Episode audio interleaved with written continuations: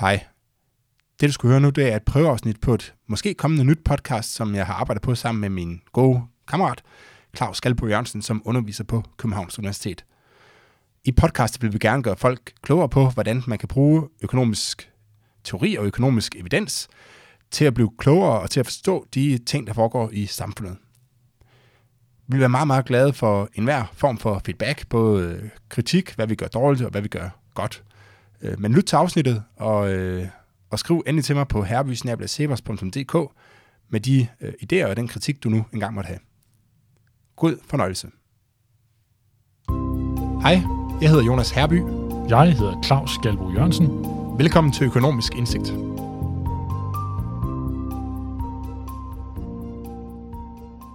Claus, hvad er du med til os i dag? Vi skal snakke lidt om øh, statsministerens udmelding i nytårstalen om, at kommunerne skal have større frihed til at gøre, hvad de vil. Den bemærkede jeg godt, ja. Hvad, hvad er dit take på den? Jamen altså, øhm, det alle vil jo, øh, synes jo, at det er rigtig fint, at kommunalpolitikerne kan få, få lov til at, at bestemme, hvad der er bedst for deres kommune. Det tror jeg i hvert fald langt de fleste vil synes. Og det, det synes jeg også. Uh, vi har også det her frikommuneforsøg. Jeg ved faktisk ikke vildt meget om det, men jeg ved så meget, at der er et antal kommuner, der, der de senere år har fået lov til at gøre lidt mere end de andre kommuner, og fået lov til at, at sprælle øh, lidt mere med, med vingerne. Øhm, men øhm, det store spørgsmål er jo så, at, øhm, at hvad nu, hvis, øh, hvis der er nogle ting, der er galt ude i kommunerne, og, og en minister bliver konfronteret med det, hvad vil der så ske? Det er et godt spørgsmål. Hvis I, øh, jeg har svært at forestille mig, at altså der er 98 kommuner. Lad os sige, at de alle sammen bliver sat fuldstændig fri og kan behandle øh, ældreområdet, som de nogle gange har lyst til. Så vil der før eller siden være en af kommunerne, der, hvor det kører totalt skævt.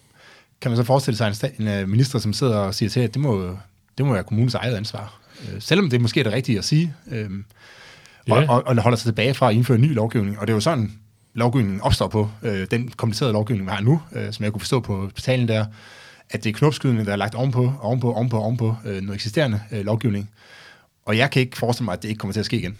Præcis, og, og det kan også bare være mindre end det. Det kan også være en af de øh, historier, man nogle gange øh, læser i medierne om, at øh, stor forskel i kommunernes øh, kvalitet. Øh, I denne her kommune, der kommer de ældre i bad en gang om ugen, og i denne her kommune, der, der er det kun hver, hver tredje uge, de kommer i bad.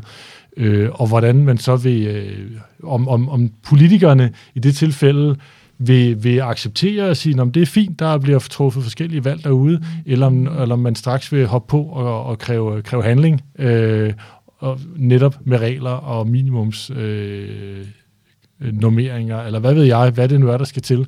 Det kunne også være netop på sådan noget som folkeskoleområdet, øh, hvor øh, det kommer frem, at man måske i nogle kommuner har valgt at prioritere for eksempel ældreplejen over folkeskoleområdet, og har skruet ned for, hvad ved jeg, øh, antallet af timer, hvor der er to lærere i klassen, eller antallet af kvadratmeter per folkeskoleelev, eller hvad ved jeg. Jamen, øh, det, det, det, det tidspunkt, der så kommer en, øh, en, en journalist og spørger en undervisningsminister, hvad de synes om det her, jamen, øh, vil de så sige, at det er kommunens valg, eller vil, eller vil de føle sig presset eller til at, at, at indføre nogle nye regler? Jeg kan ja. huske en sag, som jeg tror beskriver hvor svært Christiansborg-politikere har ved at holde fingrene fra sådan noget der. Øh, det var en, øh, en, en historie i medierne for en, måske 10 år siden, lang tid siden, øh, men hvor der, hvor, som har gennemgået prisen på musikskoler i de forskellige kommuner. Jeg kan ikke huske, jeg ved ikke, om du kan huske den. Øh, men hvor nogle kommuner, så koster det tusindvis af kroner at komme på musikskoler, og andre kommuner var det tæt på gratis. Og det mm. øh, var der nogle politikere, som synes var et problem. Ja.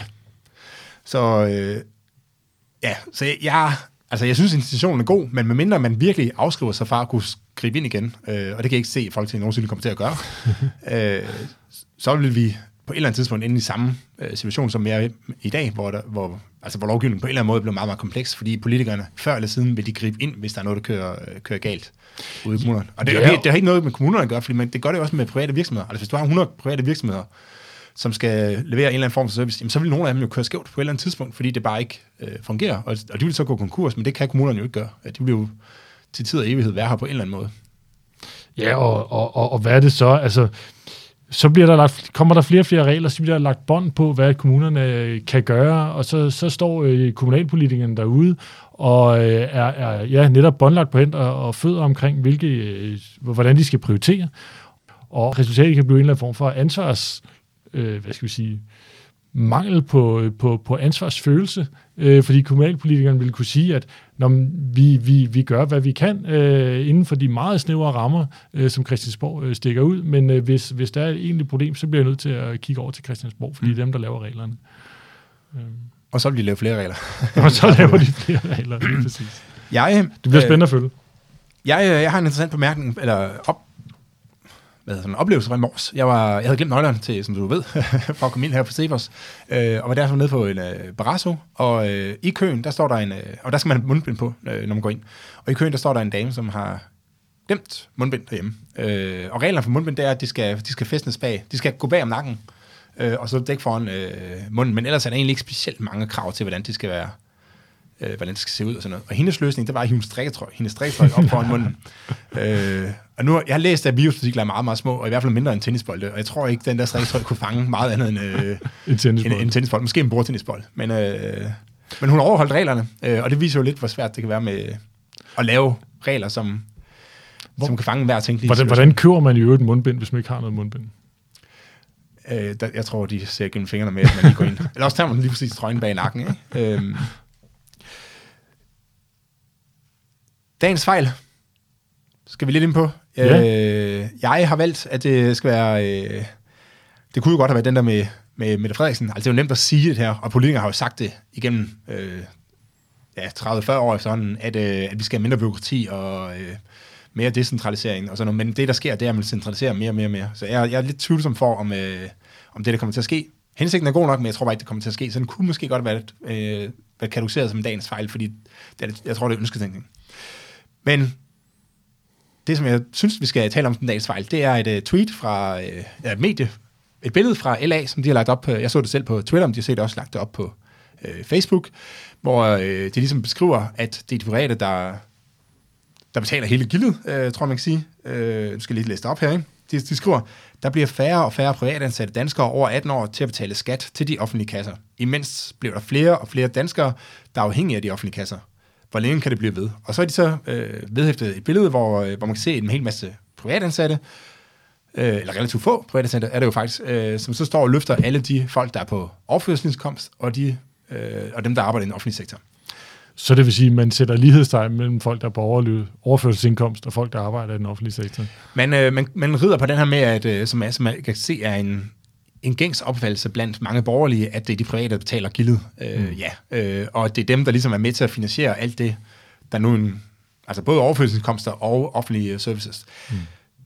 Det, jeg synes, der mangler, øh, eller der, jeg synes, grund til, at jeg synes, det her det er en fejl, øh, det er den måde, at det fremstiller på, som om, at de offentlige ikke producerer noget. Altså offentlige ansatte ikke producerer noget. For det, det i bund og grund handler om, det er jo, hvem der producerer goderne her i, øh, i samfundet. Altså, hvor mange er der til at producere, i forhold til, hvor mange der er til at forbruge i bund og grund. Ikke? Præcis. Øh, så de offentlige ansatte burde have været altså været med til at så bære øh, dem, der er på overførselsindkomster. Det er jo det, man må, man må kigge på individet og se på, på, på det, som individet bidrager med, og ikke hvilken kasse, man kan sige, vi tilfældigvis putter individet ned i. Det må, det må være det, der er det afgørende. Ikke?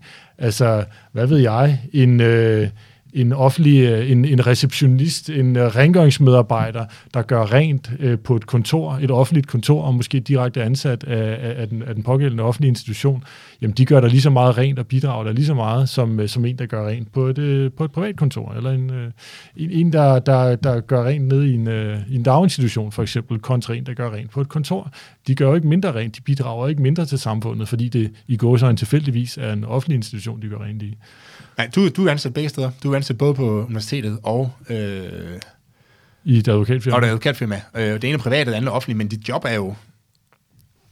Øh, altså, lidt af det samme øh, i bund og grund, ikke? Det er øh, øh, og, og, og du producerer noget begge steder. Øh, det ene sted producerer du undervisning, det andet sted producerer du øh, rapporter og sådan noget. Øh, men du producerer noget, og det er i bund og grund det, det handler om, ikke? At man får, får skabt noget værdi i samfundet. Hvordan man så efterfølgende vælger at fordele den her værdi, øh, værdi i forhold til, at det så skal forbruges. Altså de ting, man producerer, skal jo forbruges. Og, og hvem der betaler for det, ja. det, det, er jo en anden, øh, det er jo en anden diskussion, men, men fejlen ligger i, at man fremstiller offentlige ansatte, som om de ikke producerer noget, og det er, det er simpelthen Som om de ikke bidrager til samfundet. Præcis, som om de kun forbruger og ikke ja. producerer noget, og det er simpelthen en forkert uh, fremstilling.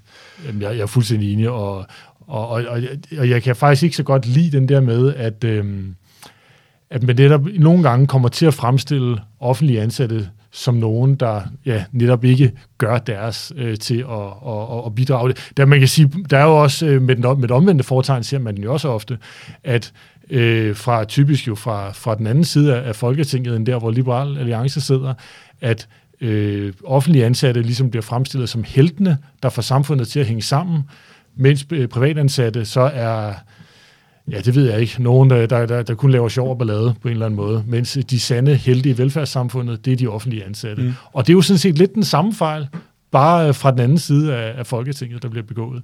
Og, og jeg er helt enig med dig, Jonas. Det, det, det, det, det er en forkert måde at se på det på. Man siger, i mange, mange steder er det jo lidt tilfældigt, om man er offentlig ansat eller privat ansat. Altså jeg arbejder hos Cepos, og det er en øh, uh, tænketank, meget af det, vi laver, er jo sådan, det minder meget om det, som jeg lavede, da jeg var forskningsassistent i, uh, på, på CBS, uh, øh, Copenhagen Business School. Og, øh, og det var offentligt, og nu er det privat. Men det var lidt tilfældigt, hvor jeg er, altså, at, at nu arbejder jeg i stedet, hvor det, det er privat. Det, man skal interessere sig for, i forhold til, om folk er privatansatte eller, privat, eller offentlige ansatte, det er jo det her med, hvordan altså hvor effektiv er man til at producere det, man rent faktisk skal producere. Så der kan være, øh, altså nu er jeg jo meget øh, liberal service, jeg, jeg vil nok helst at sige, at der er mange ting, som bliver produceret mere, i det, eller mere effektivt i det private, fordi man har en masse mekanismer, som kan sørge for, at det bliver øh, effektivt, blandt andet konkurs, konkursmekanismer, øh, som sørger for ligesom at sortere de mindst effektive øh, fra, som man ikke har i det offentlige. Men opfattelsen af, at, altså at man ikke producerer noget offentligt, er, er forkert. Øh, og jeg, jeg, jeg kan ikke på stående fod sige, om øh, forskellen så er, altså den er ikke 100 procent. Jeg tror på, at man er mere effektiv i det private, at man producerer mere i det private end, øh, end det offentlige, men om den er nogle få procent, eller eller mange procent, øh, skal jeg ikke lige kunne sige på nuværende øh, fod. Men man producerer altså noget af det offentlige, og derfor er fremstillingen forkert fra Liberale Alliance. Og når det så er sagt, så, så er det klart, så bør man selvfølgelig være opmærksom på hele tiden, at øh, de offentlige finanser hænger sammen, og at man får et øh, skattetryk, der, der giver mening og ikke er, er, alt for højt, og så videre. Øh, det, er ikke, det her det er jo ikke det samme som at sige, at øh, det er fuldstændig ligegyldigt, hvor stor den offentlige sektor er. Overhovedet, overhovedet ikke. Overhovedet. Det, det, er jo, det er jo et spørgsmål om den fremstilling der, som vi siger, ikke? altså med, øh, at, at ja, der bliver sat lighedstegn mellem, om man arbejder i det offentlige, øh, og, og om man er, er, er over, modtager af overførselsindkomster. Det var, det var absolut to meget forskellige ting i forhold til at, at bidrage til samfundet. Præcis. Claus, vi skal snakke om mindsteløn i dag. Ja. Øh, EU har et, øh, er kommet med et forslag om, at øh, man skal indføre mindsteløn i øh, en europæisk øh, mindsteløn. Der er lidt, jeg har, jeg har kigget lidt på nogle forskellige øh, kilder, og der er lidt øh, diskussion om, hvorvidt det kommer til at, og, øh, at gælde for alle lande, eller kun for lande, der i forvejen har en statslig øh, mindsteløn. Øh, Fagbladet, Fagbladet 3F de skriver, at ledende politikere i EU-parlamentet vil kun undtage lande med mindst 90% organisering fra mindsteløn. Øh, og så vidt jeg kan forstå på Dagbladet, så, øh, så vil det betyde, at Danmark også bliver omfattet af de her regler her. I virkeligheden er det ikke så vigtigt for vores diskussion, for vi skal bare snakke om, hvordan... Altså, hvad, hvad, hvad kan man forvente at få ud af at indføre en, øh, en mindsteløn? Hvad fortæller du dine studerende inde på øh, KU, når du skal, når du skal forklare det her? Ja, altså allerførst, så skal vi måske lige snakke om, hvad, hvad, hvad er mindsteløn? Fordi der er jo flere forskellige varianter af den. Ikke? Altså en ting er jo, er jo en mindsteløn, der er aftalt i nogle overenskomster. Og hvor de her overenskomster, det er jo i princippet nogle, nogle frivillige aftaler, øh, mere eller mindre frivillige aftaler, der er indgået mellem nogle arbejdsgiver på den ene side og, og nogle arbejdstager på den anden side, som har organiseret sig i en fagforening. Men, men, men, men det er ikke den, de type mindstelønninger, vi snakker om her. De type mindstelønninger, vi taler om her, og også det, når, når, når, vi, når vi underviser de studerende på universitetet, jamen det er ting, der er vedtaget ved lov altså hvor det er ulovligt at gennemføre handler øh, til øh, en, en pris, der er lavere end det, der er fastsat i loven. Mm. Det er det, det, vi sådan forstår ved mindsteløn, eller mindste priser i det hele taget. Fordi når, vi, øh, når jeg underviser mine studerende på første år inde på økonomistudiet på Københavns Universitet omkring det her, jamen så tager vi en udgangspunkt i mindstepriser i det hele taget. Det kan være på bananer, eller på øh, alkohol, som man faktisk lige har indført i Skotland. Øh, det kan være på, øh, øh, på, på, på sukker, eller på tobaksvarer, eller alt muligt andet. Og så kan det selvfølgelig være på, øh, på, på, på arbejdsmarkedet, øh, hvor man også kan indføre mindsteløn. Og, og, og når jeg sætter en lighedstegn mellem det her, så er det selvfølgelig ikke for at sige, at, øh, at, at det er præcis det samme, om man indfører det på bananer eller på arbejdskraft. Det er det selvfølgelig ikke. Der er nogle helt forskellige mekanismer i spil. Men man kan sige, der hvor vi starter øh, på første år på økonomistudiet, det er til udgangspunkt i sådan en helt, helt simpel model med udbud og efterspørgsel, perfekte markeder, fuldkommen konkurrence. Og der, øh, der siger vi, at hvis de antagelser er opfyldt, jamen så vil en mindsteløn betyde, at, øh, at øh, ved at det efterspørgselen efter arbejdskraft falder, udbuddet af arbejdskraft stiger, udbuddet bliver derfor større end efterspørgselen, og der opstår arbejdsløshed. Det er sådan, så, så det du siger, det er, at virksomhederne vil se, at prisen på arbejdskraft stiger. Yeah. Så vil de reducere deres efterspørgsel efter arbejdskraft. Yeah. Øh, måske, måske købe en robot, i stedet for at have folk til at stå og samle øh, skruer sammen eller et eller andet. Øh, mens arbejdstagerne, altså øh, befolkningen, det vil sige, at nu, nu er det blevet mere attraktivt at arbejde, øh, fordi lønnen er steget, øh, i hvert fald for en del af befolkningen, og, og derfor vil de søge flere jobs i bund og grund. Yeah, og så vil, der komme, så vil der komme et spænd mellem efterspørgselen efter arbejdskraft, altså virksomhedens efterspørgsel og befolkningens udbud af arbejdskraft. Lige præcis. Og det vil føre til arbejdsløshed. Der er flere, der gerne vil have jobs, og der er færre, der gerne vil øh, øh, købe arbejdskraft. Og det giver det her mismatch. Det er den helt simple model, og det er ligesom der, vi starter. Så, så færre jobs og flere jobsøgende. Ja. Yeah. Yes. Og, øh, men, det, men det er en meget simpel model. Det er en meget simpel model, og det er selvfølgelig ikke hele historien. Men, men det er ikke desto mindre der, vi ligesom ja, starter, når vi skal analysere det her. Øh, og, og, og det er det, der vil være sådan den, den umiddelbare effekt på et velfungerende marked. Øh, men vil det ikke være den effekt, der er på et hvert, hvilket som helst marked? Fordi et hvilket som helst marked, selv hvis man nu husker Ford, da han startede sine fabrikker, der, der havde han en højere løn, som vi husker, øh, end andre øh, virksomheder havde fordi han så en værdi i at fastholde arbejdskraften. Så hvis han havde en lidt højere løn end alle andre, øh, jamen så havde han ikke så stor udskiftning i medarbejderstaben, og så ville han, så mente han, det kunne han tjene penge på i bund og grund, ikke? Øh, ved at have fastholdt de samme øh, medarbejdere. Men, men mindstlønnen er jo, vil jo være lagt oven i den, øh, den løn, så, så mindstlønnen vil jo kun have en effekt, hvis den hæver nogle lønninger. Lige øh, så vil den ikke altid have den der effekt, fordi man vil øge det kan også ske, at man ikke vil have et marked med nul arbejdsløshed i, i forvejen. Øh, man vil have en eller anden form for arbejdsløshed.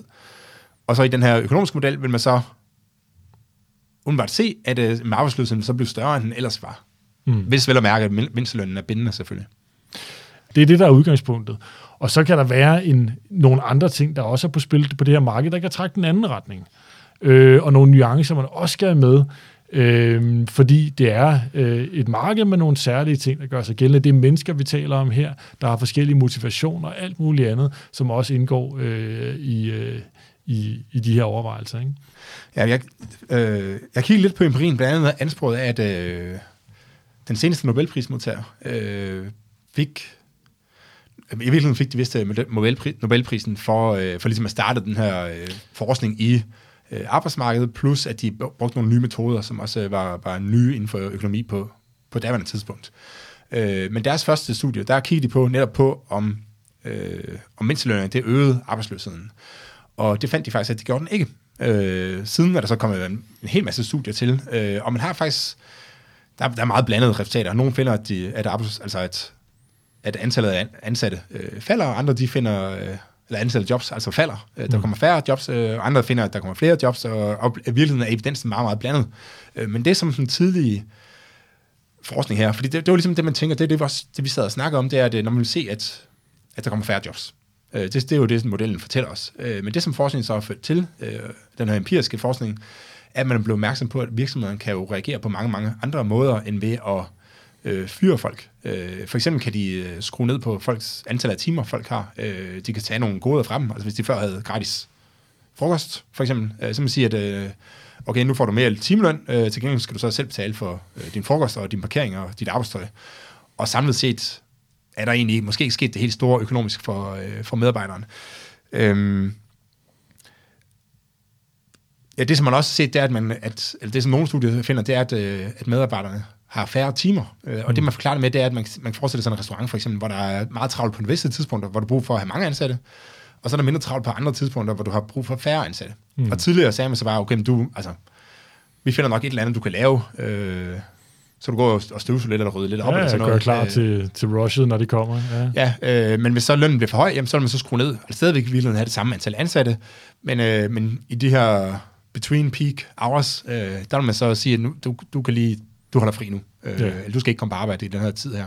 Og det skal vi huske på, det, det er jo ikke nødvendigvis godt for, for, for medarbejderne. Det er ikke, det, det er jo, altså, så kan det være, at de får nogle kortere, mere afbrudte arbejdsdage, og hvis du er en lidt marginaliseret øh, person på arbejdsmarkedet, øh, har svært ved at få, få enderne til at møde sammen, jamen, så er det ikke nødvendigvis en fordel, at man, øh, at man arbejder mindre. Der er jo godt være, at man faktisk hellere vil have en, en lidt længere sammenhængende mm. dag. Ja, man kan sige, ja, det man burde beundre sig over, det er, hvorfor markedet ikke selv har fundet den løsning, hvis den nu var bedre for medarbejderne. Ja. Og, for, øh, og for virksomheden. Ja, Hvorfor de så ikke selv fundet ud af at sige, okay, du skal kun komme øh, til frokost og, og i aften. Ja. Øh, det, det er der jo nogle grunde til, som jeg, som jeg ikke skal kloge mig på. Øh, noget andet interessant øh, empirisk evidens, jeg har på, det er, at, øh, at man kunne se, at, at de steder, man har indført øh, mindstelønninger, der øh, forsvandt nogle af de her øh, lavlønsjob, øh, eller lavproduktive øh, jobs. Mm-hmm. Øh, og til gengæld kom så nogle højproduktive jobs. Så øh, altså nogen, der og, rent faktisk kunne betale den her mindsteløn. Ikke? Så i stedet for at... Og, og det er jo noget, der normalt jo vil blive fremstillet som noget godt. Altså hvor man siger, at det er rigtig fint, vi får, vi får øh, øh, fjernet nogle af de her skodjobs, og får nogle bedre jobs i stedet for, når vi får mindsteløn. Altså det, det, det, det, det, det vil mange umiddelbart tænke, når man hører sådan noget. Ja, men det man skal huske på, det er, at folk vælger jo jobs, ikke kun på baggrund af, hvor mange penge man tjener i jobbet, men også på baggrund af, hvor interessant jobbet er. Mm. Øh, og da jeg boede i USA, der, der mødte jeg en, som var, der mødte jeg en, som i sin unge dage, jeg tror ikke, han gør det mere, men der, der var han guide, altså kajak-guide, eller mountainbike-guide, eller ski-guide, så han levede simpelthen den der guide-verden, fordi han syntes, det var, det var sjovt, ikke? Mm. Men det gav meget, meget lav løn. Mm. Øh, så det, som den der forskning så peger på, er jo så, at man siger, ved at indføre mindstlønninger, jamen så fjerner man de her, øh, en hel masse af de her jobs som guide, eller lavlønsjobs, som, hvor, der, ja. hvor en stor del af aflønningen er, er at du har sjov. Ja, så nogle, nogle jobs, hvor man måske ikke tjener særlig meget, men, men tager det alligevel, fordi det er sjovt. Præcis. Øh, og i stedet for, så kommer der så nogle, øh, altså nogle velledende jobs, som kan leve op til de her mindstelønskrav, øh, for eksempel i øh, industrien. Så ham fyren, der så før øh, kørte mountainbike, nu står han så og samler dibidutter på en eller anden fabrik, ja. op til en højere løn. Spørgsmålet er, om han er blevet bedre stillet af det her. Ja. Han har fået mere i løn, til gengæld har han fået et job, han ikke synes, den er så sjovt. Og, og han siger, har ikke længere valget til at vende tilbage til sit gamle liv. Det er blevet forbudt. Præcis. Øh, som økonom vil jeg sige, at, at hans valg før mindstelønnen afslører, at han hellere vil være guide end arbejde på en fabrik. Fordi før kunne han også have taget arbejde på, øh, på fabrikken, eller industrien der. Og øh, så vil man nok umiddelbart tænke, som økonom i hvert fald, at han er blevet dårligere stillet, fordi han godt nok får en mere løn nu, men hans job er blevet mindre sjovt øh, for ham øh, og, og derfor har reguleringen samlet set skadet. Men vi skal også holde det her op imod, at der vil jo være nogen arbejdsgivere, der vælger at hæve lønningerne øh, som svar på det her. Lad os sige en eller anden øh, fabrik eller en eller anden øh, butikskæde eller noget andet, hvor man før øh, tilbød folk, hvad ved jeg, nu, jeg ved faktisk ikke engang, hvad for nogle beløb det er, vi taler om her. Hvad, hvad er den der vinstløn? Er det 100 kroner i timen? Øh, hvad er det, den skal være på? Det har jeg faktisk ikke tykt på. Det, det, det, de snakker om USA, er 15 dollars i, i timen, ikke? Jamen, så lad os bare tage de amerikanske eksempler, ikke? hvor de før måske tilbød øh, 12 dollars i timen, og så vælger de så at hæve, øh, hæve lønnen til 15 dollars i timen, måske skruer lidt ned for, hvor mange de så skal bruge, fordi det bliver dyrere, men ikke desto mindre er der jo nogen, der er nogle øh, folk, der, der, der ikke har det så nemt, der, der måske har en dårlig uddannelse, og derfor er, er på de her mindstelønninger, jamen de vil så opleve at simpelthen få en højere indkomst for det, for det samme arbejde. Mm. Og det er jo fedt for dem. Og, og, det, og det, er jo, det er jo det, man gerne vil opnå med det her. Mm. Øhm, så, så, så det er jo også, altså, det skal man, det skal man være åben over for. Altså, det, det, er jo, det, det er jo også en del af effekten. Ja, spørgsmålet er, hvem der betaler for det, ikke? Øh, hvor kommer den her, fordi hvis man skal give flere penge til en person, så må de her øh, penge jo automatisk, altså så må de jo komme et eller andet sted fra. Ja, men mindre de bliver mere produktive, og det er der vel ikke lige for den, i det eksempel, nogen øh, grund til at tro, at de skulle blive. Nej, nej, præcis. Øh, og, så, og det kan være forskellige kilder til, øh, altså der kan betale for det. Det kan være, det er kunderne, øh, der betaler for det, øh, ved at man hæver prisen, så vi alle sammen er med til at betale for det. Øh, så kan man diskutere, hvorfor man ikke bare finansierer det over skattesystemet, som i forvejen har den her omfordelingseffekt, øh, når det alligevel er bare alle, der skal betale for det. Øh, der kan også være, at det er virksomhedsejerne, der, øh, der øh, betaler for det, men hvis man tror på, at der er konkurrence på, på markedet i et eller andet omfang, så, så burde de ikke have noget ekstra fedt at tage, eller hvad man siger. Øh, afhængig af, hvor skarp konkurrencen er. Afhængig af, hvor skarp konkurrencen ja, ja. er. Men, men generelt, øh, men det vil nok argumentere for, at en generel mindsteløn måske ikke var, var løsningen. Ja. Øhm, men fair, og, og så kan det også være det her med, altså der er jo et monopol man, man kunne måske godt, det kunne måske øh, uddybe, men man kunne måske godt bruge et monopolargument og sige, at hvis nu staten har jo monopol på udbuddet af arbejdskraft, øh, ved, så, ved at regulere så, det her. Så du mener, fordi at staten er dem, der sætter mindstelønnen? Ja, præcis. Og det er, det, det, det er en af de ting, der kan være en af de store problemer ved at indføre øh, mindstelønninger. Øh, man kan godt forestille sig, lad os bare sige, at det har en, en positiv effekt på, øh, på kort sigt, så man får rent faktisk gjort verden bedre i en eller anden forstand. Øh, men nu kender jeg mest data fra USA, men øh, jeg ved, at i USA, der er det, der er det især unge mennesker, som øh, arbejder for de her mindstelønninger. Ikke? Så det er ligesom mm. deres indgang på arbejdsmarkedet. Mm. Og som jeg tror, alle, der har været på arbejdsmarkedet, ved, at så starter man som lidt en øh, bambi på, på glatis. Øh, og efterhånden får man mere og mere erfaring og arbejder sig op. Og det, det gælder jo både i vores jobs, hvor vi sidder og laver rapporter øh, og komplicerede regnark og sådan noget. Men det gælder jo også, hvis du bliver ansat på en McDonald's. Altså første dag er du bare ikke særlig produktiv, og der går en vis periode, inden at, inden du bliver en gevinst øh, for virksomheden, fordi du, skal, du har en hel masse ting, du skal lære på mm. arbejdspladsen. Mm. Problemet er, at hvis, hvis der er mindstelønninger, jamen så bliver der altså, så bliver skridtet, altså det første skridt ind på den her stige her, bliver jo altså ind på karrierestigen. Ja, det, bliver det er meget, meget højt, ja. og det kan betyde, at du, øh, at du aldrig nogensinde kommer ind på arbejdsmarkedet. Nej, der er, der er en risiko for, at man ligesom saver det nederste trin af der. Ja. Især, især hvis man får sat den højt, de her. Altså meget af det her afhænger selvfølgelig også af niveauet. Hvis man sætter mindstelønnen til 10 kroner, så gør den ikke en helt stor forskel. Men hvis de kommer op i et niveau der, hvor det i går så en begynder at skære nogle jobs væk, ikke? og så er det, mm. man kan opnå den her øh, kedelige effekt. Ja. Og, og, og så kan du faktisk se et modsat effekt af det, man gerne vil have, nemlig at der er nogle øh, dårligt stillede øh, borgere, som, som simpelthen får svært ved at komme med og, og ender på mm. offentlig forsørgelse i stedet for. Det er i hvert fald en mulighed. Der er en amerikansk økonom, som hedder Thomas Sobel, som han er selv sort og har forsket meget i, altså i sortes deltagelse i økonomien. Øh, og han siger, at, at de her mindstelønninger, det er en af de mest racistiske love, der findes i USA, fordi det lige præcis har den effekt til at afskære øh, unge øh, sorte mænd i USA fra at komme ind på, på arbejdsmarkedet. Og det er jo, altså hvis du ikke du er bogligt anlagt, eller har svært ved at begå dig, eller så hvis du det. simpelthen bare ikke har haft muligheden for at få en god uddannelse. Ja, ja, ja der kan være alle mulige grunde til det. Øh, men så, så kan en af de måder, du kan kæmpe dig til et bedre liv, det kan være ved at så opnå læring gennem øh, arbejdsmarkedet. Og der er jo masser af jobs, hvor, hvor den måde, du lærer det på, er sidemansoplæring. Altså du bliver dygtigere og dygtigere og dygtigere øh, ved at observere og blive oplært af dine øh, sidemarker. Øh, men det kræver ligesom, at du får, kommer ind i første omgang. Øh, og hvis virksomheden tager på penge på dig de første øh, to år på grund af mindstelønninger, så bliver du ikke ansat. Ja.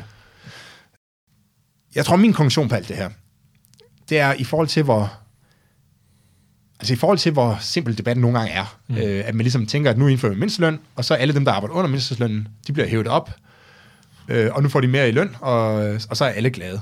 Øh, det er ligesom det, som dem, der, der argumenterer for mindsteløn, de øh, så lidt for simpelt fremstiller det. Ja, det er i hvert fald det ene ekstrem, ikke? Ja, ja det er det ene ekstrem, ikke? Ja.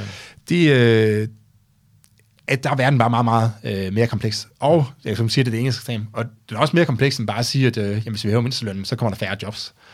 Øh, fordi verden fungerer bare meget mere øh, kompleks, og som liberal vil jeg selvfølgelig sige, at, øh, at når vi ikke rigtig ved, hvordan det her fungerer, så er det måske et argument for, at staten ikke skal gå ind og blande sig. Øh, fordi det er meget, meget øh, komplekst og svært at, øh, altså svært simpelthen at forstå, hvad det er, hvordan det kommer til at påvirke samfundet. Ja, som du siger, en ting er, at vi to, der sidder her, ikke ved det, men, øh, men, men, men du har jo kigget lidt på, på, på, på, på, på studierne, og hvad, hvad, hvad de kloge folk, mm. der rent faktisk beskæftiger sig med det her, og, og, og er det ikke rigtig forstået, at, at at, at der er generelt ikke sat to streger under, hvad, hvad, hvad det betyder, de her mindstelønninger. Nej, du kan finde, øh, altså, du, du kan selvfølgelig finde studier, der viser forskellige ting, men du kan også finde reviews, der kommer frem til, altså hvor man gennemgår mange studier, øh, ja. som kommer frem til, til vidt for forskellige ting. Ikke? Jeg læste, jeg så en i forbindelse med sådan en meta-analyse, hvor man ligesom prøver at samle alle sammen og se, hvad er det så, altså hvilken, øh, hvilken effekt ser man så på antallet af jobs. Uh, og, og den fandt faktisk, uh, at der ikke var nogen effekt. Altså der var nogen masse studier, der fandt positive effekter, og masse studier, der fandt negative effekter. Men når man samlede summen af alle de studier, så var der ikke uh, nogen effekt på antallet af jobs. Men det betyder jo, som vi har været inde på, ikke nødvendigvis, at det er en god idé. Det betyder bare, at tilpasningen i samfundet ikke sker på antallet af jobs, men alle mulige andre steder i, øh, i økonomien. Ja. Og der er, altså der er, sker altid en tilpasning, når man laver øh, regulering. Måske, det betyder ikke, at reguleringen er så dårlig, øh, men det betyder, at det kan være svært at overskue, hvordan øh, den i sidste ende kommer til at påvirke samfundet. Ja. Så hvad skal man i stedet for gøre, hvis man gerne vil hjælpe de fattige? Øh, der kan være en masse andre muligheder, men det er i hvert fald ikke sikkert, at det er den rigtige måde at gøre det på. Nej, som jeg er inde på, så vi har jo i forvejen et skattesystem, øh, i, Danmark og vel stort set alle vestlige lande, øh, som er progressivt, øh, og hvor man igennem øh, altså højere skatter på høje indkomster og, øh, og tilskud til, til lave indkomster, altså subsidier, eller hvad hedder det, overførselsindkomster, forsøger at lave den her øh, omfordeling, og så vidt jeg husker, så øh, viser, øh, altså viser økonomisk øh, teori også, at altså den bedste, hvis man skal lave omfordeling, så skal det foregå gennem skattesystemet. Ja, yeah. og det er præcis igen, hvis vi vender tilbage til sådan det helt basics der, altså generelt så siger man i økonomisk teori, jamen altså, gå så direkte efter det, du gerne vil. Øh, hvis du vil lave en, øh, en, en, en regulering, så lav den så målrettet efter det, du gerne vil opnå, så er der mindst mulig risiko for, at der opstår alle mulige mm. utilsigtede virkninger, som man, som man slet ikke kan, kan, øh, kan vide og kende øh, fra start. Lav noget, der er så direkte som muligt. Så hvis du gerne vil have, at de laveste indkomster, de har flere penge, jamen så lad være med at tage pengene fra dem. Ja. Eller give dem nogle flere. Eller give dem nogle flere. Ja, det kan man også. Det var alt for i dag. Få mere økonomisk indsigt næste gang, hvor vi øh, endnu en gang vil begive os ud i at forklare, hvorfor verden ikke er så simpel, som man tror, og hvordan det økonomisk teori og empiri kan hjælpe os med at forstå, hvordan verden hænger sammen. Du kan finde links og læse lidt om Claus og mig i øh, show notes, øh, hvor du også kan finde vores øh, Twitter-handles. Tak for i dag.